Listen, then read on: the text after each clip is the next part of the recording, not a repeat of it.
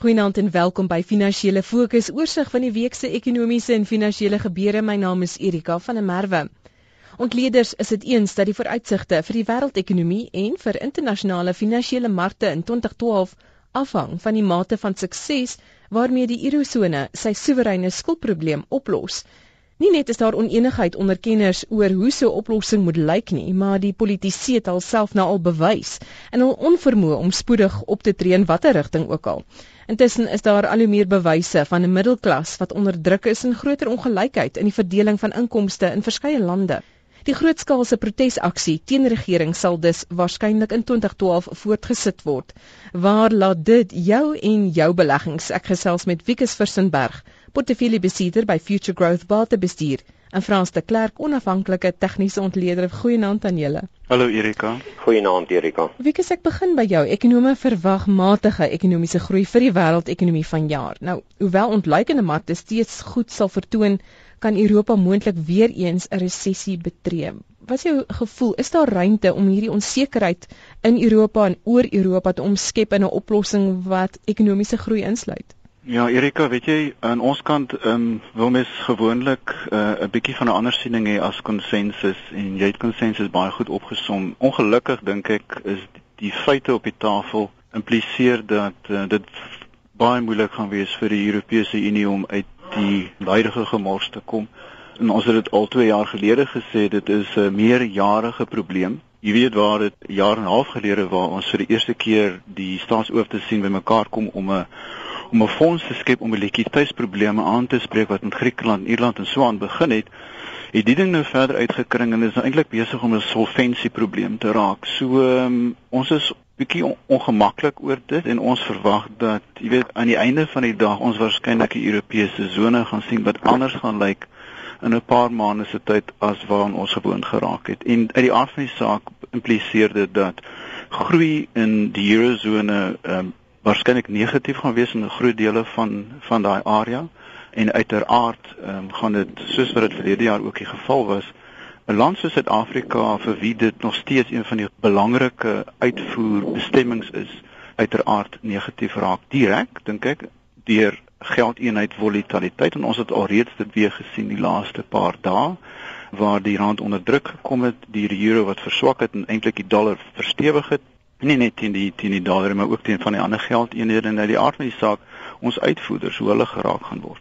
So Frans is 'n redelike donker prentjie wat Wikus geskets het. Jy kyk na die probleem vanuit 'n tegniese perspektief. Wat sien jy? Erika wat nogal baie interessant is, ek stem saam met Wikus. As jy kyk na die eurozone, dan weet ons nou dat daardie probleem nie baie vinnig opgelos gaan word nie. Maar as jy nou kyk na Amerika, die die fundamentele data of ekonomiese data wat ons daarvan af uit ontvang is al meer positief wat beteken dat daardie ekonomie stelselmatig tog aan die verbeter is maar daar is baie min wat hulle deesdae sê oor die skuldprobleme in Amerika alhoewel die ekonomie besig is om stadig maar seker kop op te tel is hulle skuldkrisis nog steeds groot en indien nie groter nie. En omdat ek uit 'n tegniese oogpunt uit kyk na die markte, dan kyk ek altyd na die Dow Jones se grafiek. Nou as ek na daardie grafiek kyk op 'n weeklikse basis, dan sien jy dat hierdie grafiek wel baie mooi boontoe beweeg, maar dat hy aan 'n 'n stelselmatige groot kop en skouer besig is om te ontwikkel. Nou die probleem met 'n groot kop en skouer is dat as hy sou uitspeel, dan kan dit baie negatief wees en dit sal nou 100% saam met Wieke se se model volg. En die rede hoekom ek dit sê is ons sien nou hierdie week het ons al reeds gehoor dat Alcoa waarsku dat hulle winste dalk 'n bietjie onder druk kan wees en as 'n mens na daai grafiek kyk, dan sê dit vir jou dat die Dow Jones baie hard werk om bo 12500 te kom. Nou ja, op die oomblik as jy na die grafiek kyk, dan sê dit vir jou dat die kop en skouer stelselmatig nog nie momentum aanneem nie en dat hy eers momentum na onder sal kry onder 11000. So as 'n mens uit 'n ekonomiese oogpunt uit kyk, dan sê ek dat die wêreld is al reeds vir die laaste 18 maande besig en die Engels het 'n mooi woord wat hulle noem hulle muddle through. Nou in Afrikaans noem ons dit sommer hulle strompel voort om uit hierdie moeras van slegte ekonomie voort te beer. En ek wil amper sê dat realisme een of ander tyd die markte gaan tref. En die rede hoekom ons koop aandele met goedkoop geld in die wêreld wat die wêreld toegooi onder geld en Almal jaag opbrengste van maatskappye wat goed lyk, maar al die regerings is semi-bankrot. En een of ander tyd gaan daar realisme kom van die regerings wat sê belastings moet verhoog word om al die infrastruktuur en al die beloftes te betaal en dit gaan aandelepryse noodwendig op die lang termyn onder druk plaas. Nou wie het gepraat van bankrotskap? Die kwessie van Amerikaanse skuld was maar stillerig gewees in die, hmm. in die laaste gedeelte van 2011, maar nou ja. in die week het ek op Twitter gesien Zero Hedge wat baie volgelinge het toevallig het 'n tweet geskryf om te sê niemand sê enigiets oor die feit dat die Amerikaanse skuld nou amptelik verby die 100% verhouding tot BBP beweeg het nie. Nee, ehm um, kyk, dit is dis 'n feit om daai vraag van jou te antwoord en ook terug te keer wat Fransis sê in die begin van sy vorige antwoord is dat uh, dinge lyk 'n bietjie beter in die VSA die laaste paar maande, maar die ding wat my bietjie pla is dat ons moet onthou dat alles ingegooi word van beide die fiskale kant en die monetêre kant al vir die laaste paar jaar om hierdie ding aan die gang te kry om die ekonomie in die FSA en elders aan die gang te kry sodat hulle weer momentum kan kry. Hulle selfs bereid gewees om toe te laat dat hooflyninflasie 'n bietjie hoër gaan want hulle sou eerder bietjie inflasie wou gehad het as wat ons deflasie sou gesien het of negatiewe inflasie. En om aan te sluit by wat jy sê is is ons nie besig om uit ammunisie te hardloop in terme van beide fiskale en monetêre uh, beleidsinstrumente nie. En uh, dit sluit aan by wat Frans ook gesê het. Dit maak ons baie bekommerd. En tot 'n mate gaan dit baie moeilik wees vir 'n klein oop ekonomie soos Suid-Afrika om eenkant te staan en nie beïnvloed te word deur wat ons dalk daar gaan sien nie. Terug te kom by die FSA, ja, dit lyk 'n bietjie beter. Dit lyk definitief beter as wat ons in Europa ervaar op die oomblik maar wat my betref is dit nie volhoubaar nie. Suiwer omdat ons regtig uit opsies uitgehardloop in terme van om die ding aan die gang te hou. En dit gaan terug baie jare. Vir baie jare lank het skuldvlakke op die private kant sowel as nou staats of regerings na vlakke toe geskuif wat net eenvoudig nie volhoubaar is nie. Nou Frans, as ons kyk na hoe die aandelemarkte hierdie jaar afgeskop het, baie sterk begin, hoewel in sekere gevalle die mark weer stoom verloor veral in die Suid-Afrikaanse geval. Nou, in tegniese ontleding, is daar 'n verwantskap tussen hoe die mark die jaar begin en hoe hy deur die loop van die hele jaar presteer? Erika, ja, daar is eintlik 'n model, ons noem hom die 5 dae model en die model word geskep uit die volgende scenario 'n mens gebruik die eerste 5 verhandelingsdae van die jaar om te kyk of die mark na die eerste 5 dae hoër kon afsluit as die laaste dag van die vorige jaar. Nou die model se sukses word bepaal tussen 70 en 80% en laas jaar of in 2011 het hy 100% reg uitgespeel.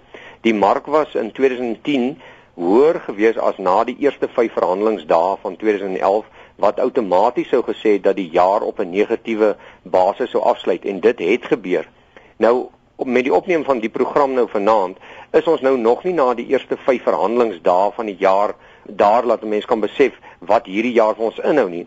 Maar wat dit wel vir jou sê is dat in die begin van die jaar en mense moet baie keer versigtig wees om in daardie amper kan mense sê gat te trap. Baie analiste noem vroeg in die jaar altyd hulle gunsteling aandele. En wanneer die jaar dan afskop, dan is almal so optimisties en dan jaag hulle die mark sommer klaar 3 of 4% in 1 of 2 dae op en dan kom die skok of die realisme daarna. En daarom gebruik ek 'n ander model om hierdie medium en langtermyn siklus nader akkuraat te skep en wat ek doen is ek gebruik na die eerste maand met ander die einde Januarie sal ek kyk of die indeks hoër is as die Desember afsluiting En as dit die geval is, dan sal ek sê uit 'n medium na 'n langtermynsiening sal die jaar dan positief of negatief wees. En die rede is maar net heel eenvoudig is net om al die geraas uit te skakel wat jy kry gewoonlik in hierdie eerste week van verhandeling. Maar op die oomblik lyk dit goed, maar ongelukkig is die mark oor 'n lang termyn en as jy nou na hom kyk, raak die prysverdienste 'n bietjie hoër, die dividendopbrengs is stelselmatig besig om om net die beste in te prys en daarom dink ek ons gaan 'n moeilike jaar hê, maar soos wat ons altyd weet, is daar altyd briljante geleenthede wat ons altyd kan uitsnyfel en dit het ons laas jaar ook gedoen en deurgegee aan luisteraars. Wikus, kom ons kyk na briljante geleenthede vanuit jou perspektief. Jy kyk na vaste inkomste bates. Hmm is kontant heeltemal te vervelig. Kan mens beter opbrengste elders kry? Kan 'n mens na koöperatiewe skuldbriewe kyk, 'n korttermyn staatsskuld of langtermyn staatsskuld in Suid-Afrika? Ek dink Erika veral vir mense wat alself wil beskerm teen inflasie, is dit baie baie belangrik om na inflasie gekoppelde effekte te kyk. As ons bekommerd is oor wat gebeur met wêreldekonomiese groei en hoe dit 'n land soos Suid-Afrika kan beïnvloed en ten minste weer eens vir ons uh, geldeenheid volatiliteit um, gaan meebring, dan is daar 'n risiko dat hooflyninflasie deur die loop van 2012 waarskynlik hoër gaan wees as die 6,1% wat ons gesien het um, hier aan die einde van van 2011. So vir vir die manne in die straat is dit baie belangrik om homself te probeer verskans en een van die effekte wat waarskynlik die beste daaraan slaag om ten minste dieselfde te gee as wat inflasie gaan doen is inflasie gekoppelde staatseffekte. Vir die gemiddelde persoon wat miskien nie in 'n fonds belê is nie, hoe kan mens daai blootstelling dan koop? Baie baie eenvoudig. Uh meeste van ons fondse wat uh wat natuurlik waaraan die man in die straat kan belê, het 'n redelike groot dosis van daai blootstelling vir daai rede en dit was een van die instrumente wat baie baie goeie opbrengste gegee het gedurende 2011 en waarskynlik vir ons weer goeie opbrengste gegee in 2012. Hulle kan baie maklik toegang kry tot ehm um, effekte wat uitgereik word deur die staat deur dit eenvoudig na die nasionale tesourier se webwerf te gaan of selfs na die poskantoor toe te gaan en blykbaar van die kleinhandel agentskappe en maatskappye ook. Is baie maklik vir hom toegang te kry tot staatseffekte. Reg, so dit hoef glad nie intimiderend te wees ook glad nie. Glad nie intimiderend te wees nie. Inteendeel, ek het my skoonmoeder en my eie pa doen dit self. Hulle gaan self aan die poskantoor toe en hulle belê self hulle geld in daai um, daai effekte. Nou Frans, wat, wat is jou raad dan? Kan 'n mens vanuit 'n aandele perspektief iets skryf wat jou meer gaan gee as net kontant opbrengs? Ons het laas jaar het die paar keuses wat ons gehad het was Eerste Nasionale Bank, Reinet, British American Tobacco, Sasol en Newgold. Nou dit het baie goed afgespeel laas jaar en en baie goeie opbrengste gegee. En ek is altyd lief daarvoor om te kyk na die onderpresteerders van die mark om te kyk waar gaan die volgende omkeersituasies vir ons lê en wag. Nou ongelukkig gewoonlik as jy kyk na 'n omkeersituasie, dan is daar altyd geduld daaraan betrokke en dat 'n belegger nooit te vinnig of te veel van die eenheid op 'n slag moet koop nie. En as ek daardie indekse sou vat, dan sal ek sê heel eers die ene wat vir my gevaarlik is vir hierdie jaar en en was tog laas jaar 'n uh, gunsteling onder beleggers is die kleinhandel aandele. Hulle bly duur uit 'n tegniese oogpunt uit want al hulle prysverdienste is ook nou al hier ek sien byvoorbeeld Massmart staan al by 'n 40 wat baie hoog is waar die mark se gemiddeld omtrent hier by die 15 is. So ek sal nie na kleinhandel aandele kyk nie, alhoewel baie beleggers glo dat die aandele net duurder en hoër kan gaan, maar ek is altyd bang daarvoor. Die omkeersituasies lê vir my in die bou en konstruksiesektor. Dit natuurlik sal afhang van as die infrastruktuur deur die staat deurkom en die beleggers daarvoor vergoed sal word, maar dit is die tyd om hulle nou te akkumuleer. Meeste van daardie aandele kan 'n mens sien bou lieflike konsolidasies. Hulle daal nie meer sommer op enige slegte nuus nie alhoewel baie van daai maatskappye nog uitkom en sê, jy weet, hulle verdienste is negatief, hulle sukkel om kontrakte te kry, maar die aandelepryse sê vir ons dat daardie slegte nuus alreeds verdiskonteer is en dat hulle regmaak vir wanneer die omdraai kom. Die platinum indeks staan vir my ook uit. Hy het amper dieselfde tendens, maar platinum kies ek spesifiek vir een rede en dit is vir die rand. Die rand begin toenemend tekens toon van verswakking. Ons sien elke keer as die rand hier by 805, 809 kom, dan begin hy onmiddellik onder druk kom en hy sommer vinnig weer by 820, 822. So die platinum aandele staan vir my uit, maar is weer eens 'n langer siening. En dan as 'n mens 'n bietjie buitelandse blootstelling wil hê, dan sal ek sê kan 'n mens kyk na die Deutsche Bank World Fonds. Dit gaan nou nie die ligte uitskiet nie, maar die rede hoekom ek die fonds kies is tweeledig van aard. Daardie fonds of kom ons sê beursverhandelde fonds, huisves die 10 top aandele in die wêreld of die 10 top maatskappye in die wêreld. Nou daardie maatskappye sal ongeag of die wêreld 'n resessie of 'n depressie of wat ook al tref, sal daardie aandele nie so onder druk kom dat jy basies jou geld sal verloor nie. En as die rand verswak daarmee, dan sal jy 'n goeie opbrengs op jou kapitaal oor die langtermyn kan hê. So ek sal uit 'n akkumulasie oogpunt uit beslis Deutsche Bank World koop en dit net wegbêre in die kas want daar's een rede. Die top 10 maatskappye van die wêreld sal een of ander tyd weer op hulle voete kom en die groei sal deurkom wat dan outomaties daardie fonds sal ondersteun en hoër dryf. So ter opsomming, Frans, jy sê kyk na die Deutsche Bank Wêreldfonds se platinum aandele en die konstruksiemaatskappye En Wikus, jy sê oorweeg byvoorbeeld die kleinhandel staatseffekte wat mens sommer by die poskantoor kan koop. Wikus, laaste woord van jou kant of net kortliks, wat is jou groei, ekonomiese groei verwagtinge vir Suid-Afrika vir vanjaar? Erika, gegeewe die siening wat ons het op Europa en so aan, sal ons waarskynlik groei sien hier rondom 2.8, 2.7%. En dit is uit die aard van die saak dis positief, maar jy weet ons, jy weet self, ons het ons het dan groei hier van 4%, 5% plus nodig. So dit is beter as van die ander lande, veral die ontwikkelde lande, maar dit is nie goed genoeg nie. Meneer baie dankie. Dis Wikus Versenberg, portefeuljebestuurder by Future Growth Batebestuur en Frans de Klerk, hy's 'n onafhanklike tegniese ontleder. My naam is Erika van der Merwe. Dankie dat jy saamgekuier het. Ek sien uit daarna om deur die loop van vanjaar verder met jou te gesels. 'n Geseënde week en 'n geseënde jaar vorentoe. Totsiens.